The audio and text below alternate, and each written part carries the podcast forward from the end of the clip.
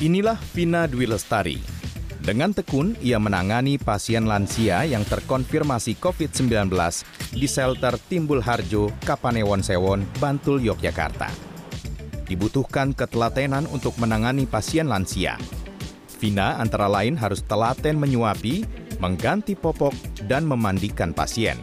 Sepulang dari Taiwan sebagai TKI sejak awal pandemi, ia ditunjuk pemerintah desa menjadi sukarelawan untuk menangani pasien COVID-19. Penunjukan itu bukan tanpa alasan.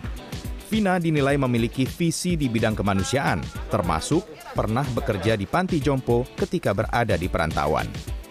Pengalaman selama di Taiwan itulah yang kemudian kita apa kita butuhkan untuk membantu penanganan pasien khususnya ya lansia dan yang mengalami keterbatasan mobilitas sehingga eh, apa perawatan diri terus kemudian termasuk juga nyuapin dan lain sebagainya itu Di sela-sela kesibukannya sebagai sukarelawan COVID-19, ibu rumah tangga ini juga menekuni usaha penjualan frozen food untuk mencukupi kebutuhan sehari-hari.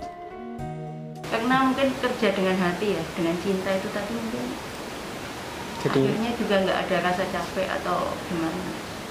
Hidup kan cuma sekali kan ya pingin berbagi untuk orang lain itu aja. Tapi kan ada risikonya mbak Desa. ya memang memang ada resiko terberat kan mati itu tadi.